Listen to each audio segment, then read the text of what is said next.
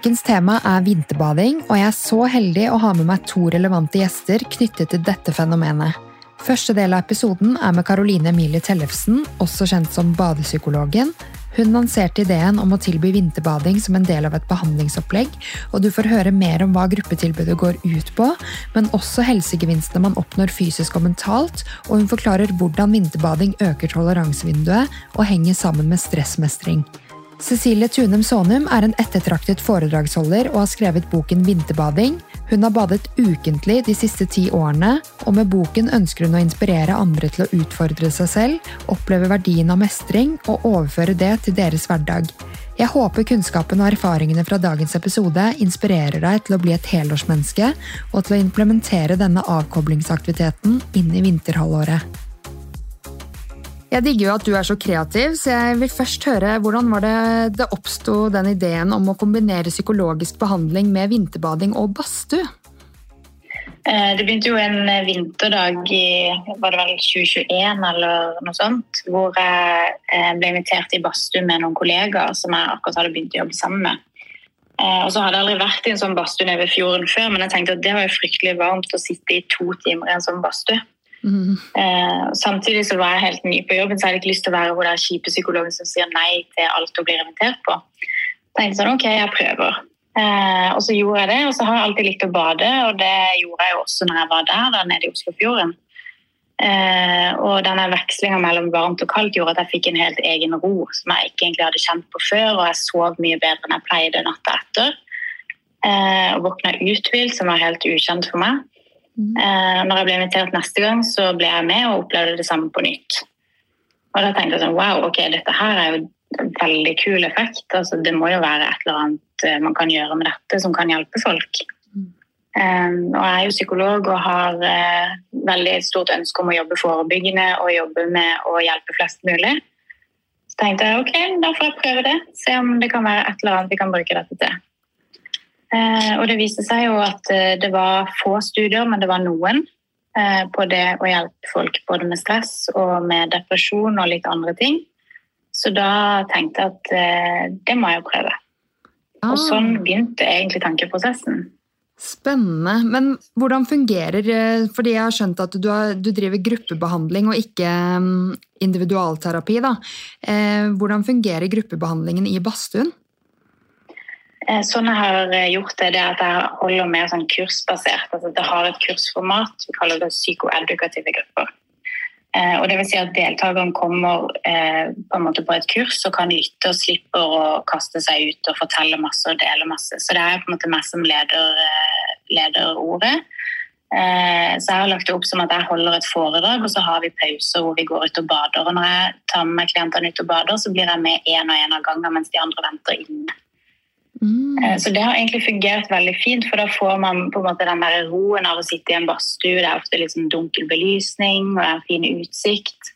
Eh, nærhet til sjøen, selvfølgelig. Eh, og så får vi litt den der én-til-én-connection når vi går ut og bader sammen og er veileder gjennom badet. Hva er det folk kommer med da, av problemstillinger eller psykiske plager eller lidelser?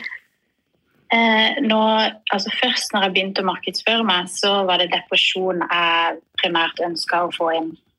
Eh, men det viste seg at det var vanskelig å rekruttere folk med depresjon, og det skjønner jeg, for det er mange måte, krevende faktorer som kommer inn i det. At man skal sitte i badetøy, man skal være sammen med andre, man må komme seg ut hjemmefra, og det er ofte ja, kaldt og mørkt og alle de tingene der. Eh, så da endra jeg litt fokus. Så det jeg har eh, jobba med nå, det har vært stressmestring. Så da har jeg undervist i litt om hva stress er, og hvordan det kan dukke opp, og i tillegg hvordan man kan håndtere det. Ja, Kan du dele litt om hva er stress og stressmestring? Ja, eh, Stress det er jo en biologisk respons som dukker opp i møte med potensielle trusler, eller noe vi oppfatter som potensielle trusler. Eh, så det skjer ganske mye i kroppen når man opplever stress. Stressresponsen setter i gang ganske mye. F.eks. Eh, man kan få økt hjerterytme, man kan kanskje føle seg litt ør i hodet, økt puls. Eh, og hvis man er i virkelig stressende situasjoner, så kan man jo kjenne at man blir svett i hendene, eller eh, at kanskje man må på do, eller sånne type ting i tillegg. da. Mm. Men det vanlige hverdagsstresset kjenner mange som en sånn liten indre uro som ligger og murrer inni seg. Mm. Hva er fordelen med gruppebehandling, eh, tenker du? Um, det er veldig mange ting som er fordel med gruppebehandling når man kommer over de der hindrene med at man må være sammen med andre. Uh, mange blir jo stressa bare av det å måtte dele opplevelser sammen med andre. Uh, men det er jo nettopp noe av det som er fordelen nå, at uh, man får se at andre kjenner på det samme som en selv. Mm. Så man får en slags sånn normalisering av det man opplever, da, for det er jo flere som opplever det meste som vi kjenner på. Og så er det det å altså, føle tilhørighet til noe. At man har et sted å gå. Eh, det å være en del av en gruppe er jo, altså, det ligger jo biologisk i oss som mennesker at vi trenger steder å høre til. Mm. Eh, og det, måte, Går man i en gruppe over tid, så vil man jo få den tilhørigheten til den gruppa. Og ofte så vil man få ganske nære bånd hvis man eh, også tør å by på litt det som er vanskelig. Mm. Er det hensiktsmessig da å komme aleine og ikke med en vennegruppe, da? På en måte? Ja, altså ofte så vil jeg tenke at det er bedre å komme litt alene, selv om det ofte er, har en høyere terskel for folk å ta det første steget ut i det. Eh, så opplever jeg nok at man eh, lettere blir en del av gruppa. Hvis man er, kommer to og to sammen, for eksempel, så blir man ofte litt sånn ekskludert eller setter seg litt ved siden av hverandre og er litt sammen om det. Og, og sånn, og Da kan det være vanskeligere for resten av gruppa å komme inn på eller å bli inkludert i det. da. Mm. Er det noen tilbud det ikke passer for? Eh, ja, det er det jo. Fordi vi driver med vinterbading, så er det jo enkelte som ikke skal gjøre det. Eh, og det er spesielt folk som har hjerte- og karsykdommer eller epilepsi. Eh, de kan det være farlig for å, å vinterbade eller bade i kaldt vann. Eh, og så er det sånn at eh, når man er i badstue, så, så må man sjekke med lege eh, hvis man enten er gravid eller ammer. Eh, og også menn som prøver å få barn, eh, ah. bør unngå å være for mye badstue. Fordi man har sett at badstue kan redusere spermkvalitet. Oi, det visste jeg ikke. Aldri hørt om, faktisk. Nei, det er ikke så veldig mange som vet det, men det er liksom good to know, da. Ja, ja. Men eh, Du nevnte dette med stress, og, men hvordan henger vinterbading og stressmestring sammen? Fordi det lille jeg vet, er jo at det setter i gang noen stressresponser når man går i kaldt vann. Men du kan forklare dette bedre enn meg. ja, altså det som er at Å bade på vinteren det er jo en såkalt stressord. Altså Det er en hendelse som skaper stressreaksjon. Eh, og det er en ganske sånn stor stressord. Eh, men hvis vi likevel frivillig eksponerer oss for den store stressoren det er, så skjer det liksom ganske mye kult kjemisk i hjernen Mm. vi får økning av dopamin og noradrenalin i øyeblikket. Eh, og det er to hormoner som gjør at vi føler velvære. Men de er også veldig tett forbundet med stress.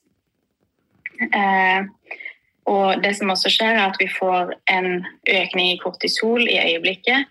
Men det man ser da, er at over tid Kortisol er forresten stresshormon. Ja. Eh, men det man ser over tid, er at eh, man får en lengre varighet av dopamin og noradrenalin som skaper velbehag. Eh, og så får man en bedre toleranse for kortisol. Det vil si at man tåler mer stress før man opplever stress.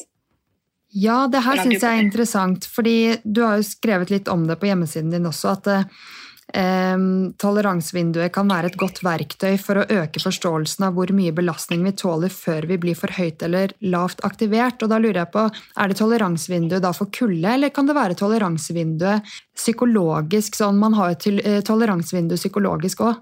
Mm. Det, jeg synes det er kjempegodt spørsmål. og Det er egentlig toleransevindu generelt. så Både for kulde, men også for andre stressopplevelser som vi har i hverdagen. Eh, bare for å si litt sånn kort om toleransevinduet, så er jo det en sone hvor vi er optimalt aktivert. Som betyr at eh, man kan klare å konsentrere seg, lære nye ting, leve sitt beste liv, som jeg pleier å kalle det. Mm. Eh, og når jeg sier aktivert, så mener jeg hvordan måte, følelsene og kroppen har det. Eh, og Hvis du f.eks. blir veldig redd eller sint eller urolig, så kan du bli høyt aktivert. Eh, og Da kan man gå ut av toleransevinduet sitt. Da vil det være vanskeligere å lære nye ting og konsentrere seg og kjenne at man har det bra. Um, og man kan også gå i det som heter underaktivering, som er som f.eks. at man eh, blir litt nummen eller fjern, eller føler man kjeder seg veldig eller ikke klarer å koble seg helt på. Um, og det som er interessant er at akkurat når man vinterbader, så er man jo egentlig frivillig utenfor toleransevinduet sitt. Ja. Da skaper man jo den aktiveringen. Mm. Eh, men ved å, ved å trene på sånne liksom, trygge settinger hvor vi frivillig går inn i stort stress, så kan man øke toleransevinduet. Da kan man tåle enda litt mer i morgen og kanskje enda litt mer neste uke hvis man fortsetter å, å gjøre det. Det her gir jo veldig mening, for jeg er småbarnsmamma. Og når jeg begynte å vinterbade i november for første gang, da, eh, og har gjort det nå jevnlig siden og har eh, medlemskap og full pakke, mm. så kjenner jeg jo det at jeg, jeg har ikke like kort lunte lenger når jeg faktisk praktiserer vinterbading og føler at jeg tåler mer enn det jeg ikke gjør til vanlig i parforhold eller familielivet. Da. Så det gir skikkelig mening. Ja, og Det er jo litt kult da, når du utfordrer, altså, utfordrer den stressoren det er, da, og faktisk prøver å eh, hoppe i vannet selv om det er iskaldt. Eh, så blir du ikke bare flinkere til å tåle den situasjonen som er så stressende, men du blir også flinkere til å tåle alle de der situasjonene som dukker opp i hverdagslivet ditt. Og Det er noe av det jeg er veldig opptatt av. at isbading eller vinterbading i seg selv kan faktisk gjøre at du blir bedre til å tåle stress på andre arenaer i livet ditt, og det er nyttig. Ja, elsker å høre det. Men kan du dele noen personlige historier eller suksesser du har sett fra deltakerne i din gruppebehandling? Absolutt. Eh, det som er veldig gøy, er at de fleste, når de har vært på en time hos meg, så opplever jeg at de svever ut etterpå. Altså, de har det mye bedre enn da de kom. Eh, men en av de fineste historiene det var en person med vannskrekk som var veldig redd for å bade og var redd for havet og vannet, og det var mørkt og kaldt og masse skummelt med det. Eh, og gjennom en sånn, eh, en sånn kurssesjon da, så har vi tre bad.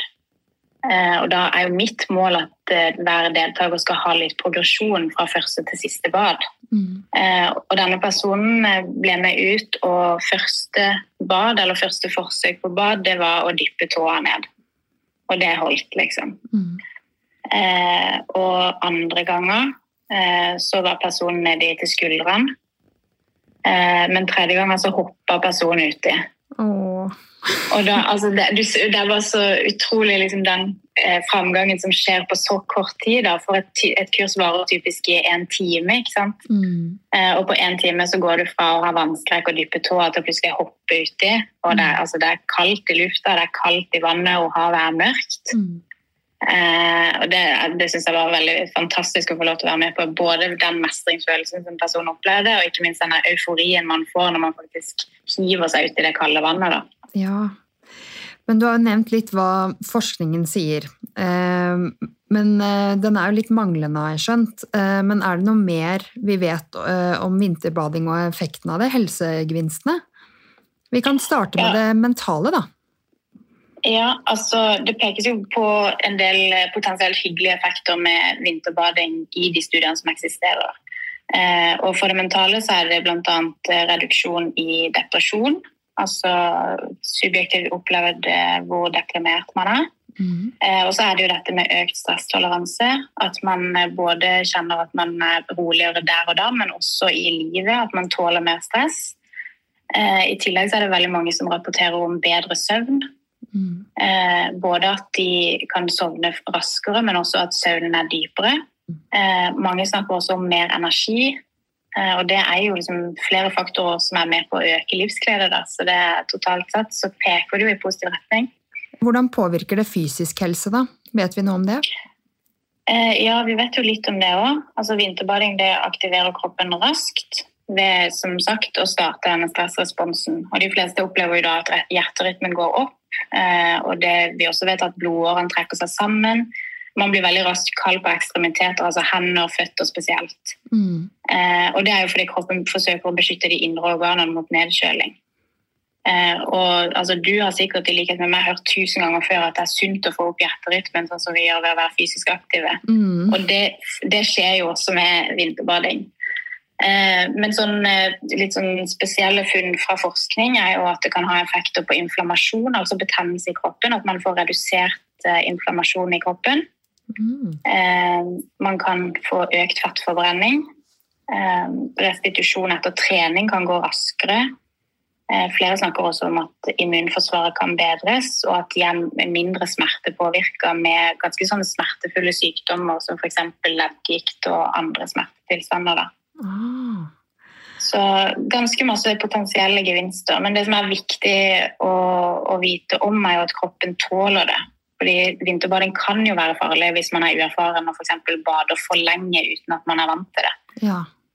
Hva kan skje da? Eh, altså, De på en måte vanligste tingene som skjer hvis folk er for lenge ute, er jo at de får det som kalles for en afterdrop. Det er at man, eh, altså, man blir såpass nedkjølt at kroppen strever med å varme seg opp igjen. Ja. Eh, og da kan man få blodtrykksfall, f.eks.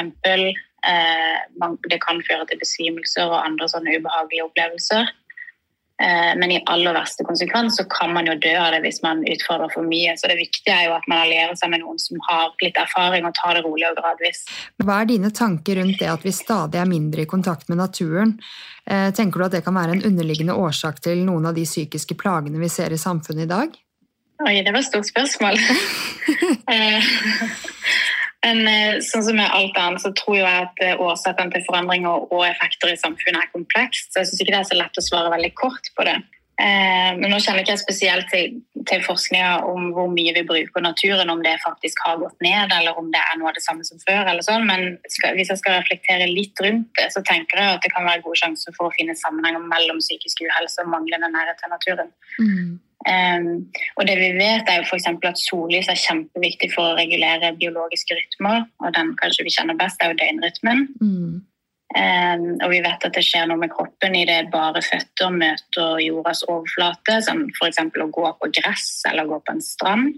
Mm. Uh, og vi vet også noe om at uh, forekomsten av psykisk uhelse er ofte større i i-land, i storbyer osv., som kan være relevant da, å ta med en sånn vurdering. Så eh, det jeg kan si noe med at etter at jeg har møtt ganske mange som strever psykisk, så er jo erfaringa mi stort sett at mange finner både ro, glede, mestring av å bruke naturen, og at naturen er et godt verktøy å ta i bruk for å håndtere og bli bedre fra utfordringer. Mm. Eh, så med det i bakhodet så får jeg veldig lyst til å anbefale folk å komme seg mer ut i naturen. Og så liker jeg havet spesielt godt. Altså bading året rundt, det kan jeg anbefale. Ja, helårsmenneske. Yes. ja, for jeg bare tenker på, Det er jo mange som snakker om vinterdepresjon. Kan du bare si kort om Hva er forskjellen på vanlig depresjon og vinterdepresjon? Er det bare at eh, man kjenner på mer depressive symptomer på vinterhalvåret? Ja, altså Vinterdepresjon er jo et litt sånn eh, begrep som mange bruker og kaster litt rundt seg. Mm. Jeg tror den sånn, formelle begrepsbruken er uh, seasonal affective disorder, så SAD er forkortelsen. da. Ja. Uh, og det er jo ikke så veldig mange som faktisk opplever vinterdepresjon, men det er, jeg lurer på om det er så mange som 80 eller 90% som opplever at uh, de opplever en annen energi, og at de får et annet humør i vinterhalvåret. Mm. Eh, og Vinteren er jo en tid for mange hvor det både er mørkt rundt oss pga. fravær av sollys. Det er mange som isolerer seg litt mer hjemme. Man er jo mindre ute fordi det ofte er det kaldt, spesielt i Norge. da. Mm. Eh, og erfaringsmessig så både spiser og trener folk litt annerledes i vinterhalvåret. Så det vil jo si at man egentlig roter med alle faktorene som er avgjørende for god psykisk helse. Ja, Eh, og jeg var jo en sjøl som ble både mer nedstemt og tyngre i humøret på vinteren tidligere, men det har jeg klart å forebygge sjøl de siste fem-seks årene bare ved å ta kontroll og ta vare på de faktorene der. da. Som å sove nok, spise nok og riktig næring, eh, være nok i aktivitet og ha nok sosial kontakt. Og jeg tenker at Forskjellen på vinterdepresjon og depresjon er jo ofte en sånn klinisk faktor. da. At eh, depresjon er jo ofte, altså den gjør ofte noe med funksjonsnivået. Den gjør ofte at du ikke får til det samme som du fikk til tidligere. mm. Eh, mens den vinterdepresjonen som mange snakker om, er nok ikke en full klinisk depresjon, men mer en sånn tunghet i kroppen. Man føler seg kanskje trøtt om morgenen, og det er vanskelig å stå opp og litt disse tingene her, da. Men her tenker jeg at vinterbading er en perfekt avkoblingsaktivitet fordi du både får sollys når du bader, eller bare dagslys, og mm. den eh, vekslingen mellom varmt og kaldt hvis du har en badstue i nærheten. Og det å ha noen sånne aktiviteter som er ute i naturen, det er derfor jeg spurte litt om det. Sånn, jeg tror det hjelper da, når man føler på litt mer tungsinn på vinterhalvåret. Er det andre ting du tenker på som kan være litt uh, greit å vite for å løfte humøret litt og energinivået på vinterhalvåret? Altså, jeg tenker at Når det gjelder vinterbading, så kan det hjelpe oss med alle de faktorene som ofte er avgjørende for uh, om man kommer til å bli deprimert eller tyngre til sinns osv. Fordi det øker jo feelgood-hormoner. Uh, det kan gi bedre søvn, som er helt essensielt for god psykisk helse. Det kan gi mer ro, bedre stressmestring. Uh, så jeg tenker at Vinterbading i seg selv er en kjempeaktivitet, men bare sånn som å få 30 minutter dagslys hver dag har også gode effekter for å forebygge vinterdepresjon når det er mørkt. Har du et så, eh, siste råd til noen som ønsker å prøve, og som ikke har kasta seg på denne trenden enda? Uh, ja, da har jeg lyst til å komme med et sitat fra min far. Ah. Han sier at det går ikke an å være sur når man bader. og det syns jeg stemmer ganske bra. Har, jeg har aldri opplevd å være sur når, man, når jeg bader sjøl, så jeg kan absolutt anbefale det.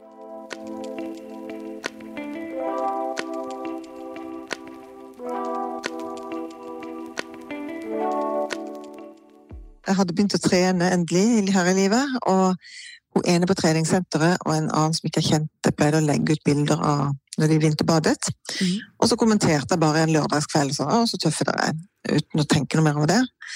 Eh, og så er vi som sagt forutinntatte, så hun hadde nok sett på meg som en litt sånn pingle som ikke tør ting. Eh, mm. uten at vi kjente hverandre noe særlig. Så på lørdagskvelden så bare blåste hun ut på Facebook at det blir med å bade Cecilie TS i morgen. Ja. Og da var det jo bare å si ja, da. Um, og det hadde ikke hun trodd. Det har hun innrømmet, det står det i boken òg, at hun trodde kanskje ikke jeg var lagd for sånn. Så siden har jeg ikke blitt kvitt meg. Nei. Ti år siden. oi, oi, oi. Men da var du ganske ja. tidlig ute før dette her begynte å trende, da? Ja, det har jo altså Isbading har jo fantes i all tid, men som trend og den bølgen vi er inne i nå, så var det veldig få som holdt på med det for ti år siden. Eh, så, og det syns jeg faktisk er litt ok. og at det, det, er ikke noe jeg har kastet meg på, det er noe jeg har gjort hver, minst en gang i uka de siste ti årene. Mm. Men hva fikk deg til å fortsette, da? Fra den første gangen til å faktisk gjennomføre det hver uke i ti år? Ja, dette var jo midt i januar, og det var Yr sa følt temperatur minus 15, og vi stavra en meter snø for å komme ned til vannet, og det blåste stivkuling. Så det var liksom ekstremt eh, det var liksom så vinter som vinter kan bli, nesten. Og eh, det kicket jeg fikk da, altså den der følelsen etter badet, de timene og dagene etterpå, var, det var noe jeg hadde lyst på igjen. Så da gikk jeg og håpet at jeg skulle bli bedt med igjen. Jeg turte ikke spørre selv. Hva var det du kjente på da, både mens du badet og i dagene etterpå? Mens jeg badet, så, så var det bare om å gjøre, å gjøre det han som tok meg med ut i, sa. Det var bare å puste. og kom gjennom det. Eh, så jeg har ikke noe annet minne av det enn at det var iskaldt, og at jeg måtte puste og gjøre det han sa. Eh, men etterpå, da jeg liksom hadde fått på meg klærne og vi begynte å gå hjemover Ja, det var liksom sånn nydelig Jeg tror det er de som hopper fallskjerm, kanskje det er følelsene der er fritt fall, jeg vet ikke. Ja. Um, også da jeg kom hjem og, og timene gikk og fikk varmen i meg, så var det som en sånn forelskelse. Altså virkelig gikk rundt i flere dager og tenkte nei, det kan ikke ha vært så bra. Nei, det var sikkert ikke så bra. og så eh, ble jeg invitert med helgen etter, da.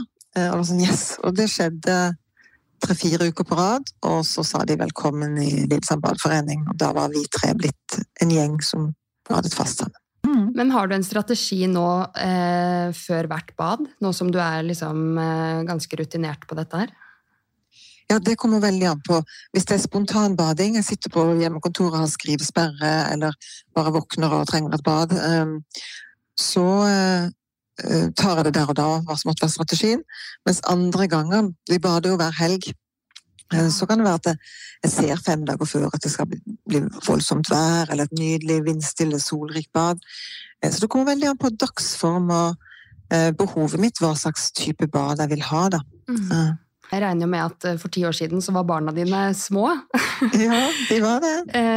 Hvordan hjalp det deg i mammarollen å faktisk ha den eh, timen for deg selv eh, ved å vinterbade? Ja, det er også et poeng, for jeg er jo veldig opptatt av at familien kommer først. Så da badet vi stort sett lørdag eller søndag Typisk barna satt i pysjen-tid, i 10-11-tida, eh, mellom frokost og lunsj. Mm -hmm. eh, og de gjerne fikk se på barne-TV eller noe, så de gikk glipp av verdifull tid. da. Eh, og jeg tenkte heller aldri på liksom en sånn Hva gjør dette med meg som mamma? Men jeg kommer jo alltid bli og fornøyd hjem, og alltid hatt en god opplevelse når jeg badet. Og ungene var alltid veldig nysgjerrige på å vite hvordan det hadde vært. så det endte med at det ble sånn kakaostunder etterpå, da. Mm. Og ettersom årene har gått, og hvis de har sett at jeg har hatt en dårlig dag, så har jeg typisk sagt at 'mamma, ta deg et bad'. så det har nok ikke gjort noe dårlig for mammarollen, nei. nei. Er dette her liksom din egen tid, eller er dette blitt en familieaktivitet? Eh, nei, det er noe som jeg driver og styrer med på egen hånd. Eh, jeg har hatt barna med, og begge to har hatt lyst til å prøve å bade og har vært med på bad. Mm. Eh, og sønnen vår han er blitt veldig opptatt av å komme seg ut og legge seg i snøen eller løpe f.eks. om sommeren i plaskregn når det styrtregner ute. Eh, og da han var liten, så prøvde jeg å stoppe han, og det, det, er kaldt, men da så han jo bare dumpe meg. altså, ingenting jeg skulle sagt, for jeg vet jo hvem som har smitta han med det. Ja. men du skriver i boken din om at du har blitt et helårsmenneske. Eh, kan du dele noen perspektiver rundt dette som har endret seg etter du begynte å vinterbade? Ja, uh, unnskyld. Jeg er jo en uh, frysepinn, det er jeg fortsatt. Mm -hmm. men vinterbading handler ikke om det i det hele tatt, så det er liksom en annen kvote. Eh, men før så var jeg definitivt en som bare lengtet etter våren og sommeren. Mm. Eh, men så kom denne badingen inn, da. Og da gikk jeg fra å være sommerperson til å bli en helårsperson. Fordi jeg har badet å se fram til. Eh, og årstiden forandrer seg, været forandrer seg, så det er, ingen bad er jo like. Så det har vært en sånn skikkelig opptur. Så nå sier jeg ja takk til både november og januar, som jeg absolutt ikke likte før. Nei. Nei, fordi jeg tenker vi mennesker, vi, vi kaller oss jo ofte sommermennesker eller vintermennesker, som du skriver om også. Mm. Eh, men jeg tenker det er noe så fint med å bare omfavne alle de fire årstidene vi har. Um, og litt som du skriver, at du svømmer deg mot sommeren og møter høsten forventningsfullt. Og da, det, jeg ser det som for meg, da, at uh, istedenfor å tenke åh, oh, nå er det høst og mørketid, og ha en negativ grunntone på Eh, de neste månedene som kommer. For vi, det virker som at vi nordmenn kan bli like sjokkert hvert år over at vinteren kommer. Eh, både når det kommer til eh, å måke snø og at det blir kaos i trafikken, på en måte, men også dette med det derre måten vi ser på høsten og vinteren. Mm. Men jeg tenker på jeg tenker på deg da, Tina. Du har jo vært, det er vel din første vinter som vinterbader, er det ikke det? Jo. Du har vel, hvordan har det vært i forhold til dette med sommer og vinter? Har det gjort noen forskjell for deg? Absolutt. Jeg også så på meg selv som en eh, Eller jeg så på meg selv som en vinterperson før, fordi jeg har alltid vært så glad i å lange skiturer, være mye ute på vinteren, så jeg har aldri kjent på noe vinterdepresjon eller den slags. Men jeg må innrømme at etter jeg fikk barn, og de er jo fortsatt veldig små, så mm. er jeg nok mer innendørs enn det jeg ønsker. Altså, Vi er mye ute, men dere vet, små barn de eh, ja. votter skal på, de er for varme, de er for kalde, det er hyling, det er skriking, så trenger de å sove, og så er det sykdom. og jeg føler nok at vinteren min har blitt mer begrensa. Um, mm. Noe som har gjort at jeg bare gleder meg helt sjukt til våren og sommeren. Men, eh, så tok vi tak i dette i november da, og prøvde å vinterbade. og jeg kjente en umiddelbar positiv effekt, fordi det hadde vært en Det er jo mye stress i småbarnsperioden, på godt og vondt, da. Mm. Det positive stresset uh, og det negative stresset. Og jeg kjente på en sånn skikkelig ro og mestringsfølelse uh, første gang jeg gjorde det i november. Samboeren min ba meg om å visualisere, visualisere når vi satt i badstuen der, hvordan jeg skulle gjennomføre det å gå ned trappen ha kontroll på pusten og ta hodet under vann. Da. Det er jo ikke alle som tar hodet under vann, men jeg mm. gjør det. Og det å veksle mellom kaldt og varmt og bare ha den der egentiden før man henter i barnehagen mm. Herregud, altså. Kjenner meg igjen. Jeg ja, forstår deg godt. Jeg er så lei av å ha det der negative synet på vinteren og tenke at det blir tøft og sånne ting. fordi ansvaret ligger hos meg, og man må rett og slett bare ta litt ansvar og gjøre noe med det som kan gjøres med. Eh, mm. For vi kan jo ikke styre været, vi kan ikke styre årstidene, men det å ta kontroll over hvordan du velger å forholde deg til det, det kan jo alle mennesker gjøre. Ja, og det er så viktig det du sier om været, for det, eh, jeg vet mange er opptatt av at ja, nå er det meldt sånn vær, ja, men da skal jeg bade. Men noe av sjarmen, syns jeg, og det som virkelig har gitt meg både handlekraft og mestringsfølelse, det er jo det at eh, jeg bestemmer meg på forhånd at på lørdag skal jeg bade, uansett vær. Eh, og da er det kjempespennende å stå opp om morgenen. For én ting er å se værmeldingen, men å stå opp og trekke fra gardinene og så se hva slags vær er det i dag. Og så vet en at uansett vær så skal jeg bade. Det er kjempegøy, og det gir en sånn følelse av ja, mestringsfølelse og handlekraft. At no question, du bader uansett. Ja, og jeg føler det bygger litt sånn mental robusthet. Fordi jeg har mm. alltid klart å Jeg er veldig glad i å løpe utendørs, og det gjør jeg hele året. Um, mm. Så jeg har løpt med sludd i ansiktet og masse minusgrader. Og, men så har jeg ikke sett på det på lik linje med bading da, før nå. Uh, og da kjenner jeg på en ny mestringsfølelse på en annen arena. Mm. Så um, Nei, jeg føler virkelig at det, det bygger mental robusthet å utsette seg for litt sånn ubehageligheter. Ja, det er jo akkurat det. Eh, det å gjøre noe, altså utfordre seg selv eh, og gi seg selv den der selvrespekten som man får av, av den handlekraften, det er så undervurdert. Mm. Eh, å gi seg selv nye utfordringer hele veien. Og det må jo ikke være Folk er veldig sånn Uh, ja, men Hvis jeg ikke liker isbading og vinterbading, da, så sier jeg ja, men det, det trenger ikke å være det. Det skriver jeg om i bok. for jeg synes Det er kjempeviktig at finn din greie. Uh, om noen vil utfordre seg på å lære å strikke, eller om de vil uh, lære seg en sport eller noe helt annet, det er ikke så viktig. Men det som er viktig, det er å gjøre noe som kanskje ikke var så komfortabelt, og ikke, så, ikke kommer så lett til deg. da. Mm. Hvis folk ikke er nysgjerrig i utgangspunktet, så syns jeg ikke de skal prøve heller. Eh, men det var jo sånn jeg kom ut i, at noen utfordret meg på at det, det der er ikke noe for deg, skal du være med? Mm. så, så jeg, jeg, tror i utgangspunktet alle kan vinterbade, bortsett fra selvfølgelig hvis du har utfordringer med helse, altså hjerte og blodtrykk og sånn. Da må man sjekke med legen sin først. Det er tydelig og viktig å få fram. Mm. Men uh, ellers så er det Og det er gratis. Vi har masse natur i Norge. Har du ikke kystlinje, så har du vann. Men jeg vet jo det er jo noen vinterbadere som eh, eh, forteller i sosiale medier, du, hvor du ikke er akkurat nå for tiden. Eh, frustrasjonen når Mjøsa eller Gudbrandsdalslågen fryser igjen. mm. Så eh, at de ikke får badet for det er for mye is, da. Men da er det bare å finne fram motorsaga, da. Mm. Men du har jo inspirert mange mennesker gjennom Instagram-kontoen Vinterbading. Nå har ikke jeg fått sjekket ut den profilen, da, men jeg skal gjøre det en gang i fremtiden. Ja, det var egentlig min hovedprofil, Cecilie TS.no, som, som eh, begynte å dele vinterbading. Og så, når boken min kom ut, så etablerte jeg en egen vinterbadingprofil. Mm. Ja, har du fått mange nye digitale vennskap? Ja, i hvert fall veldig mange gode sparringspartnere. Og det, altså den badingen gir jo et utrolig samhold blant oss som faktisk bader sammen. Eh, men det er jo bare halvannen uke siden en av mine digitale venner, en danske eh, fra København eh, har, Vi har fulgt hverandre i mange år på badingen. Og plutselig så reiste hun til Sørlandet, til Lillesand, for å besøke en annen badevenn som hun har, digitalt. Mm. Eh, og da møttes vi og badet sammen. Møtte hverandre første gang fysisk og badet sammen. Og det var som vi hadde kjent hverandre alltid. Mm, oh, veldig spesielt. Hyggelig. Men ja, ja. hvordan forhold er det du har til sosiale medier? Det syns jeg er litt spennende å høre nå som jeg er avlogget selv. Fordi jeg tenker mest da på denne tilstedeværelsen i vannet, og hvordan man kan eh, oppnå det. Men så tenker jeg også på hvordan vi på en måte kan ødelegge noen sånne avkoblingsaktiviteter, som f.eks. vinterbading, eller mm. man drar på yogatime, drar på Farrisbad for å koble av med kjæresten eller en venninne, liksom. men så er vi rett tilbake på telefonen og sosiale medier. Ødelegger ikke det litt for eh, den eh, stressreduksjonen vi nettopp har fått da, på en måte?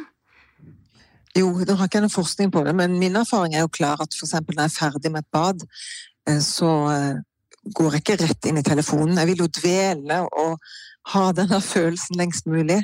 Mm. Eh, så da drøyer jeg. Og når jeg først går på telefonen noen timer seinere, så er det veldig ofte for å sette meg med en nydelig Kanskje en kaffe latte med god, varm chili i. Og så se gjennom bildene hvis vi har tatt bilder eh, mm. når vi badet. For da er det akkurat forlenger opplevelsen. Mm. Men det er jo ikke snakk om, eh, om sosiale medier, det er bare å sitte og kose seg med bildene. Ja. Eh, men ja, eh, sosiale medier i passe doser er veldig, veldig fint for jobben min. Men når jeg begynte å bade, så delte jo ikke jeg at jeg hadde begynt å bade eh, den første tiden. Tvert imot, jeg holdt det for meg selv. Hva, er det, hva positivt syns du sosiale medier eh, tilfører eh, kontra negativt, da? Ja, Hvis du tenker på vinterbading, så får man jo masse gode råd om alt fra sikkerhet til hvor man finner en åpen råk på vinteren. Mm. Eh, man deler opplevelser, får tips gjennom bilder og ord på nye ting man kan prøve. Det var sånn jeg kom på at jeg skulle skrive bok, eh, siden ikke det fantes i det norske markedet. Mm. Eh, så alle de tingene er veldig, veldig fine. Men eh, hvis det blir for mye av alt, så, så, så, mister det effekt. Og det skjedde jo med meg når jeg hadde gitt ut boken min. Eh, plutselig så, så var det liksom allemannseie at jeg badet, så da hadde jeg en lang, lang fase hvor jeg ikke tok bilder av at jeg badet, ikke delte det noe sted. Fikk spørsmål til å slutte å bade. Mm. Eh, og det var rett og slett behovet for å ta tilbake grunnen til at jeg bader. Da. Eh, mm. at jeg gjør det for meg selv, eh, og ikke for noen andre. Eventuelt kun for familien min, i så fall. Mm. Og så eh, fokusere på det. pluss at med pandemien så begynte jo alle å bade og dele mm. bilder, så det florerte jo. Og da hoppet jeg ut av den bobla med å, med å dele for mye, ja. Mm. ja. Men jeg tror du har et poeng i det at man skal gi seg selv tid etterpå til å fordøye opplevelsen. Eh, kanskje reflektere over hvordan vi føler oss, eh, men også være litt forsiktig med å falle tilbake i, i mønsteret med konstant digital stimulering, da. Eh, mm. Men det er jo veldig mye positivt med sosiale medier også. Men jeg syns det er et skikkelig spennende tema å knytte opp mot egentlig alle temaene jeg har her i podkasten, og gjestene jeg har. Og, eh, for den har jo tatt så mye kontroll over livene våre. Men jeg har et tips når det gjelder sosiale medier, uten at vi skal få bevege oss for langt vekk fra badepraten. Men eh, jeg deler jo ganske mye på min Cecilie TSNO på Instagram eh, fra foredragslivet mitt og interiør og hverdagsøyeblikk. Jeg er veldig opptatt av øyeblikk. Mm. Um, og så kommer folk som aldri har møtt og sier at uh, altså de, de, føler de kjenner meg. Mm. Og trikset da, uh, for å klare å beskytte meg selv litt og ikke dele for mye, det at hvis man legger merke til det, og røper litt mye her, så er det de samme vinklene de samme motivene som går igjen f.eks. fra hjemmet vårt. Da. Så det er veldig mange kroker og steder jeg ikke deler. Mm. Eh, eller deler av livet. Så jeg deler aldri matretten min så jeg sitter og spiser. Eller. Og det er helt bevisst. Ja. For å kjenne at jeg har litt space, da, rett og mm. slett. Mm. Ja, du, du, er, du, du, er, litt personlig, men du holder deg også privat, på en måte? Ja, eh, mm. veldig folk kan nok oppleve at jeg deler veldig mye, mm. men eh, hvis en legger merke til det, så er det ofte de samme vinklingene, eller ja, det er ting som ikke deles i det hele tatt. Mm. mm. Hvordan tenker du at man, eh, den tilstedeværelsen man kan oppleve i vannet, kan ha overføringsverdi når det kommer til tilstedeværelsen ellers i livet, da? Ja, det første var å legge vekk mobilen, siden vi var inne på det.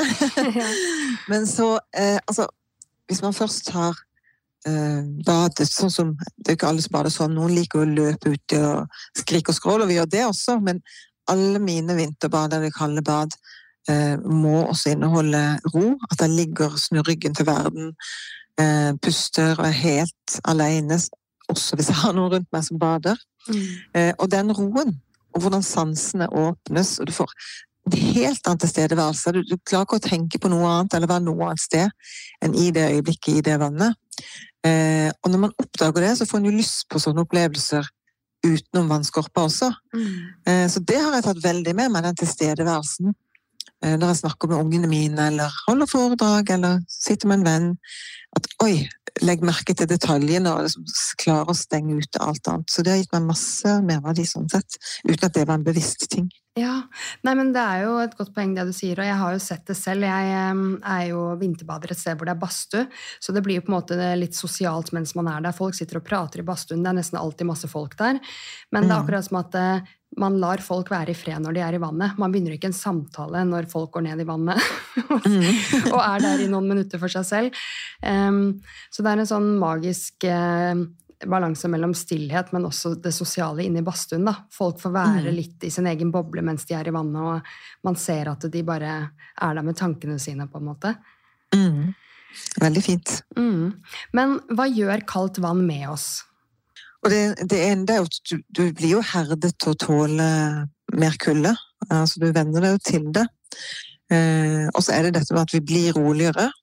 Eh, og det er et faktum, det er det forsket på, at eh, Eh, altså vi får midlertidig senket eh, den kognitive funksjonen vår. Hjernen sviver eh, roligere. altså Evnen til å tenke klart går ned hvis du blir liggende eh, en liten stund i kaldt, iskaldt vann. Eh, og det er det som gir oss denne her roen, da. Bare ikke la det gå for langt, for da blir det jo farlig. Mm. Og så er det jo lykke- og velværehormoner. Endorfiner og dopamin. Eh, øker jo, og det gjør oss mer oppstemte. Mm. Eh, det sies også gjennom forskning at vi får bedre søvn. Eh, mange bruker det for å få bedre mental balanse. Du kan restituere støle muskler etter en treningsøkt. Men hvis du er toppidrettsutøver eller skal være med i en vektløftekonkurranse, så vil ikke isbading være lurt rett etterpå, fordi da bryter du ned musklene. Men mm. for oss hobbymosjonister så er det en fin måte å dempe stølhet på. Mm. Mm. Men hvordan tenker du mestringsfølelsen eh, vinterbadingen gir, overføres til andre arenaer i livet? Hvordan kan den det? Um, litt eh, det jeg sa i stad, at den der handlekraften på egne vegne, da, at den gjør noe for seg selv. Mm. Eh, at den er så undervurdert. Eh, vi får rakere rygg, vi får selvrespekt. Kan liksom hva skal jeg si, imponere seg selv litt, da. Glem sosiale medier, gjør det for din del, og så kan man tenke at ha, jeg får til det, da kan jeg få til dette også. Hvis du f.eks. står i en krevende situasjon på jobb eller i andre sammenhenger. Mm. Uh, og jeg lever jo av å være foredragsholder. Og kan bli, selv om jeg har gjort det nå, jeg har straks 20-årsjubileum, mm. men likevel så kan jeg bli kjempenervøs innimellom.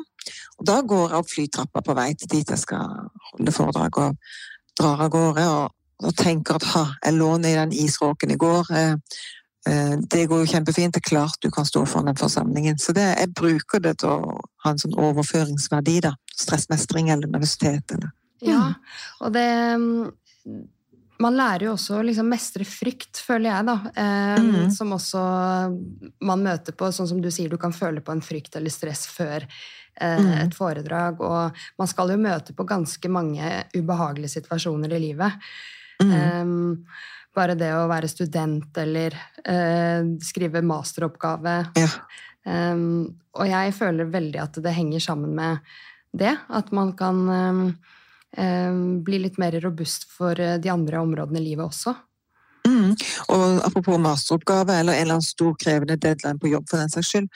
Um, hvis jeg sitter og skal skrive en kronikk og har en deadline, uh, ikke minst når jeg skriver bøker, for skrivesperre, så har jeg bare sust av gårde helt spontant eh, og tatt et kjapt, kaldt bad. Mm. Og det klarner tankene skikkelig, så du kan ta den mestringsfølelsen også inn i, og tilbake i masteroppgaven eller i det du måtte stå i som er krevende. Da. Men når det kommer til tid i vannet, da, eh, tenker du at det er eh, en selv som da kjenner på hvilken god effekt man får, eller er det dokumentert en bestemt tid som gir den positive effekten vi faktisk søker etter? Ja, begge deler. Og så må jeg skynde meg å si at når jeg begynte å dele på Instagram da, at jeg lå i vannet, eh, så innså jeg plutselig at jeg måtte være forsiktig med å snakke om tid. fordi eh, når folk så at jeg lå i fem eller syv minutter i, i graders eller minus 1,5 graders vann, mm. så ville de oppnå det samme. Og det kan jo være kjempefarlig hvis ikke du er veldig erfaren som bader. Mm. Altså til det er sagt. sånn at glem å konkurrere med noen andre om tid. Eh, det som er dokumentert, er at det skal så lite til som 30 sekunder. 30 sekunder kan høres veldig mye ut hvis du er førstegangsbader, altså. Mm. Men um, når du har badet noen ganger, begynn med, begynn med, tre rolige pust, eller fem rolige pust, så går det opp igjen. Mm. Uh, og så kan målet være å komme opp i 30 sekunder, for det forskningen sier at så lite som et halvt minutt i uh, 10-13 graders vann, altså ganske varmt vann til å være isbader, um, er nok til å gi gode helseeffekter. Ja. Så, men aller først begynn med bare de der tre eller fem pustene. Eh, og så når du har tilvendt kroppen til å bade minst én gang i uken, for da husker kroppen å lære seg at det her går fint, så kan du godt bade i hvert fall et halvt minutt. Og så vil jeg helst ikke si for mye om hvor lenge jeg bader innimellom, fordi at det handler om hvor mye du bader, og hvor godt kroppen tåler det. Ja. Mm.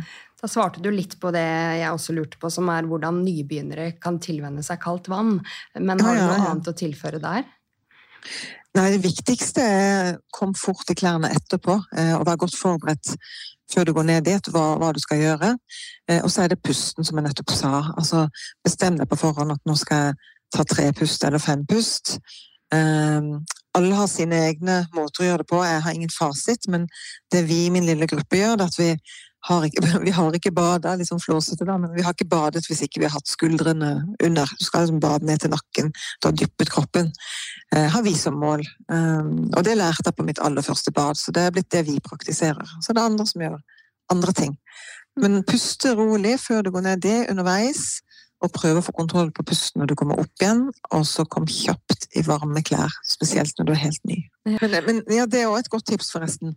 Eh, hvis du skal bade for første gang og har lyst til å lære deg å like det, eh, spør en, en som har vært ute en vinternatt før, eller i dette tilfellet en som er erfaren vinterbader, mm. om å få bli med. Eh, for da får du noen gode triks og tips. Og det var jo det jeg fikk liksom, en som har vært soldat før og skikkelig topptrent og hadde badet en sesong mer enn meg, eller før jeg begynte. Og han, har, han er roen selv og liksom la seg i vannet, instruerte meg så jeg kom etter. Eh, pustet i takt med meg. Eh, sa fra når jeg skulle gå opp igjen at nå går du sakte og rolig opp, pust mens du går. Mm. Eh, og det har jo vi gjort mye etterpå, at vi har hatt andre som spør oss om å få være med og teste det. da. Mm. Eh, og så har de blitt med oss, og så har de badet med oss en tre-fire-fem ganger.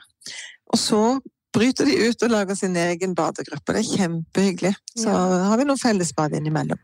Så spør noen som har bada før, da, så får du en god start. Godt tips. Men hva tenker du er viktig før man bader, da? Da tenker jeg litt sånn på mentale forberedelser, eh, badevettregler. Um, ja. Eh, ta med deg noen. Aldri eh, start å bade alene hvis du ikke er veldig dreven. Og ikke bare ta med deg noen, men ta med deg noen som faktisk kan hjelpe deg hvis du trenger hjelp. Mm. Um, og så er det å ha noe å stå på. Det er mange som ikke vet, hvis ikke de har med seg noen som har bada før, at oi sann, du kommer opp igjen, alt er vått eller sølete eller kald snø eller is. Uh, så et underlag, et typisk sitteunderlag, er fint å ha med bare til å sette beina på mens du skifter. Mm. Uh, lue og votter er veldig fint å ha med seg. Varmt skjerf. Uh, forberede litt sånne ting mm. eh, som du har klart. Eh, og det jeg har gjort, er at det skal være lett å ta et spontant bad, det at jeg har jo en egen badehylle eller en badeskuff, og der med en gang ting er tørket eller vasket, så legges håndkle og eh, badetøy og det jeg trenger, bagen, da, der, sånn at jeg alltid har det klart til neste bad. Mm. Eh, ja, en ting til. Det kan være fint å ha med seg et par ullsokker eller noe å ha på beina. For beina er et veldig varmetap. Mm. Eh, de kommer jo først i vannet også. Så bad gjerne med ullsokker. Eh, hvis du har neoprensokker, som f.eks. kajakkpadlere bruker, mm. så kan du ha på det. Men jeg tror jeg hadde badet i fem eller seks sesonger før jeg helt kom på at jeg kunne bruke neopren. da. Mm. Ja, for jeg kjenner at eh, kulden sitter i kroppen ganske lenge etter et eh, vinterbad. for å si det sånn. Man kan komme hjem i leiligheten og fryse i to timer etterpå, med mindre man eh, pakker seg inn i tepper og sånn. Så det å ha noe eh, Forberedt seg med en bag og varme klær og eh, ja, varme, ja, varme klær. Og så pass på at ikke du kommer i den trange jeansen, da, for den er helt umulig å få på seg når, du, når kroppen er kald. Eh, det er kaldt ute. Så vide, romslige klær som er lette å få på igjen. Mm. Varme klær, gjerne stillongs. Eh, og gjerne ta med en termos eller dra rett eh, inn et sted og drikke noe varmt. Mm. mm. Hva tenker du om mentale forberedelser, da? Litt som du har skrevet, som jeg syns var så fint. da. Um, unngå å ha noe usnakket med havet. ja. Kan du dele litt ja. mer om det? Ja, og det som du sier, så eh, har jeg så veldig ofte et mål, eh, med mindre et spontant bad jeg bare suser av gårde. Men det kan være at i dag er det mer nok å bare komme i vannet, for jeg er sliten av å sove lite. Eller det kan være at i dag skal jeg ligge lenge og finne roen og snu ryggen til alt og alle, bare ligge og puste for meg selv. Um, men så skjedde dette Jeg hadde kanskje badet i tre-fire måneder. Og så ble vi liggende i vannet og småprate uten at jeg hadde lukka øynene og lukka munnen og fått de der eh, sekundene med pust og ro helt for meg selv. Eh, og jeg kom på, kom på, land igjen da, og stemningen var kjempegod. og Vi små, små, småprata og eh, skiftet. Og så tenkte jeg det tok av meg bare til at å, skulle jeg gått ut igjen? Mm. Og så gjorde jeg ikke det. Og da gikk jeg i flere dager og følte jeg hadde noe usnakka med havet. Jeg hadde liksom ikke fått badet ferdig, da. Mm. Jeg hadde ikke funnet den roen som jeg pleier å, å få, eh, før jeg tok neste bad. Og da lærte jeg meg at man alltid kjenner etter at har jeg bada nok nå. Eh, og er jeg i tvil, så går jeg uti en gang til. Hvis du likte dagens episode eller hører på podkasten min innimellom eller er fast lytter, så setter jeg stor pris på hvis du gir podkasten antall stjerner du syns den fortjener, og så anbefaler jeg deg å abonnere på podkasten, så blir du varslet når det kommer nye episoder.